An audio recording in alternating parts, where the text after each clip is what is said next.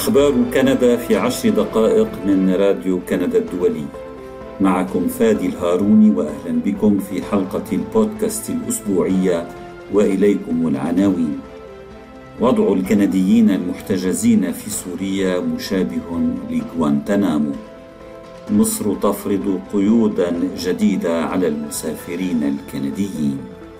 وحريق الحي القديم في مونريال كان إجراميا. في تقرير لسمير بن جعفر. التفاصيل من راديو كندا الدولي. يشبه وضع الكنديين المحتجزين في شمال شرق سوريا وهم في معظمهم من الأطفال الوضع الذي كان سائدا في قاعدة غوانتنامو الأمريكية التي سجن فيها مئات الرجال الذين اشتبه في تورطهم في أنشطة إرهاب طيلة أكثر من عشر سنوات دون توجيه تهم إليهم.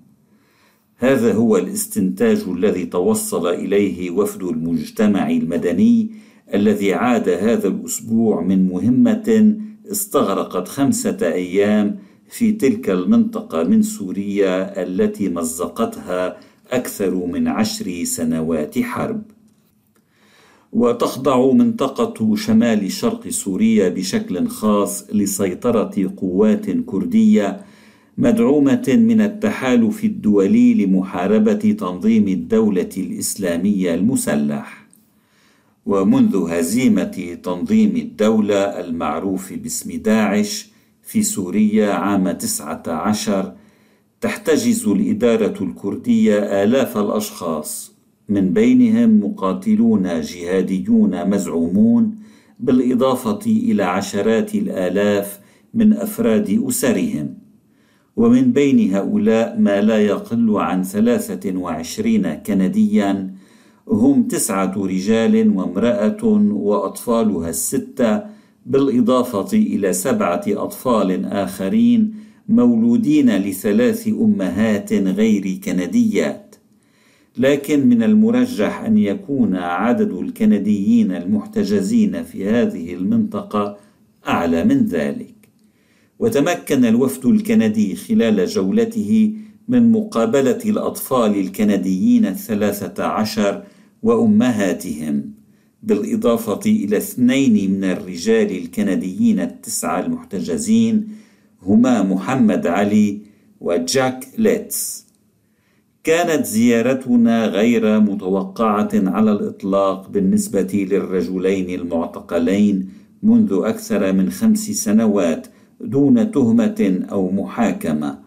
قال الناشط الحقوقي أليكس نيف أحد أعضاء الوفد في مؤتمر صحفي للوفد أمس في أوتاوا.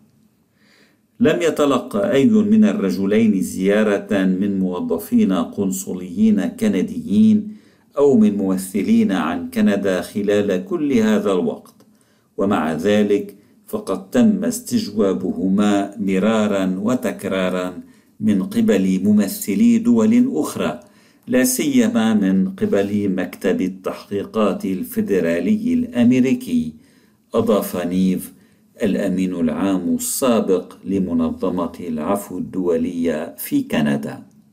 فعلى سبيل المثال تم استجواب محمد علي أكثر من 25 مرة من قبل عملاء مكتب ال FBI وحث أعضاء الوفد الحكومة الكندية على اتخاذ إجراءات فورية لضمان عودة الأطفال الكنديين الثلاثة عشر مع امهاتهم بمن فيهن اللواتي لا يحملن الجنسية الكندية. يمكنك الاشتراك في أخبار كندا عن طريق زيارة موقعنا على الإنترنت راديو تريدونيون كندا سلاش رسي سيتعين قريبا على حاملي جوازات السفر الكندية الحصول على تأشيرة قبل دخولهم الأراضي المصرية في إجراء جديد يطال آلاف المسافرين. فاعتبارا من يوم الأحد سيحتاج الكنديون المسافرون إلى مصر إلى زيارة السفارة المصرية في أوتاوا أو قنصلية مصرية في كندا لتقديم طلب تأشيرة قبل مغادرتهم كندا وفقا لوزارة الشؤون العالمية الكندية. ولغاية الآن كان بإمكان المسافرين الحصول على التأشيرة عند الوصول إلى مطار القاهرة أو الحصول على تأشيرة إلكترونية من خلال بوابة على الإنترنت. واعتبارا من اليوم الجمعة سيحتاج أيضا الكنديون الذين يحملون وثيقة تثبت أنهم مصريون سيحتاجون لطلب تأشيرة لدخول مصر. وقبل هذا التعديل كان بإمكان الكنديين الذين يحملون جواز سفر مصريا أو بطاقة هوية مصرية أو وثيقة ولادة تثبت أنهم مولودون في مصر كان بإمكانهم دخول مصر دون تأشيرة. ويأتي هذا التغيير من قبل السلطات المصرية ردا على إجراءات كندية يمنع بموجبها مواطنون مصريون من الحصول على تأشيرة إلى كندا وهو ما تعتبره القاهرة أمرا مسيئا لكرامة الدولة المصرية كما جاء في إعلان صادر عن السفارة المصرية في أوتاوا. أصدرت الحكومة الكندية تحذيرا لمثليي الجنس وسائر أفراد مجتمع الميم الذين يعتزمون السفر إلى الولايات المتحدة بسبب السياسات المعتمدة من قبل سلطات بعض الولايات بشأن التوجه الجنسي.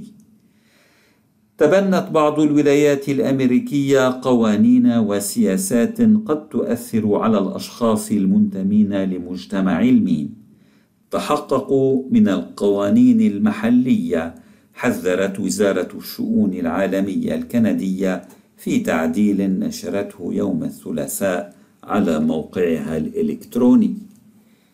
وإذ أكدت كريستيا فريلاند نائبة رئيس الحكومة الكندية أن نشر هذا التحذير ليس مدفوعا بأي مصلحة حزبية وأن كندا تعمل دائما بشكل وثيق مع جيرانها الأمريكيين أوضحت أن سلامة الكنديين في الخارج تظل في رأس أولويات حكومتها.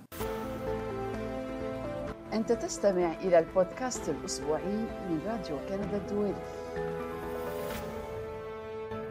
كشف جهاز شرطة بلدية مونريال SPVM أن الحريق الذي نشب في أحد المباني التراثية في الحي القديم بمونريال في مارس آذار الماضي كان نتيجة عمل إجرامي. وأدى الحريق إلى مقتل سبعة أشخاص تتراوح أعمارهم بين 18 و 76 سنة وجرح تسعة آخرين. ويعتبر هذا الحادث أسوأ حريق عرفته مونريال منذ 45 سنة. وفي ندوة صحفية نظمها جهاز الشرطة في بداية الأسبوع الجاري قال المفتش دافيد شين مسؤول الاتصالات المتحدث باسم جهاز شرطة بلدية مونريال إن المحققين وجدوا آثارا لمادة مسرعة للحرائق في مكان اندلاع الحريق. ولا تستبعد الشرطة إمكانية توجيه تهم الإهمال الجنائي لصاحب المبنى. وفي هذا الصدد كشفت صحيفة La Presse في أبريل نيسان الماضي أن مصالح مراقبة البنايات سبق لها وأن أصدرت ضده عدة إخطارات بانتهاكات مثل إمكانية الوصول إلى بعض سلالم الطوارئ وغياب الأبواب المضادة للنيران وكاشفات الدخان ويقول رابح بالكحلة أبو وليد بالكحلة أحد ضحايا الحريق إن الإهمال واضح في هذه الحالة ورغم أن الحريق إجرامي إلا أنه يرى أن مسؤولية صاحب المبنى في وفاة نجله والضحايا الآخرين تظل قائمة il n'y a pas de détecteur de fumée, détecteur d'incendie, des éclairs pour le feu parce que loi c'est semi-commercial.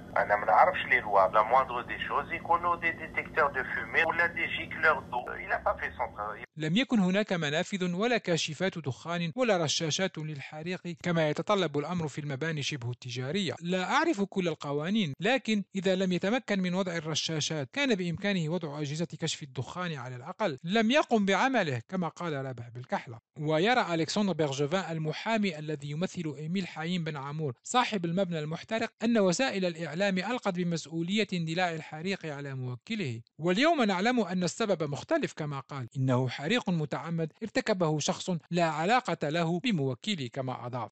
وهناك مزيد من التفاصيل حول الموضوع في تقرير الزميل سمير بن جعفر على موقعنا.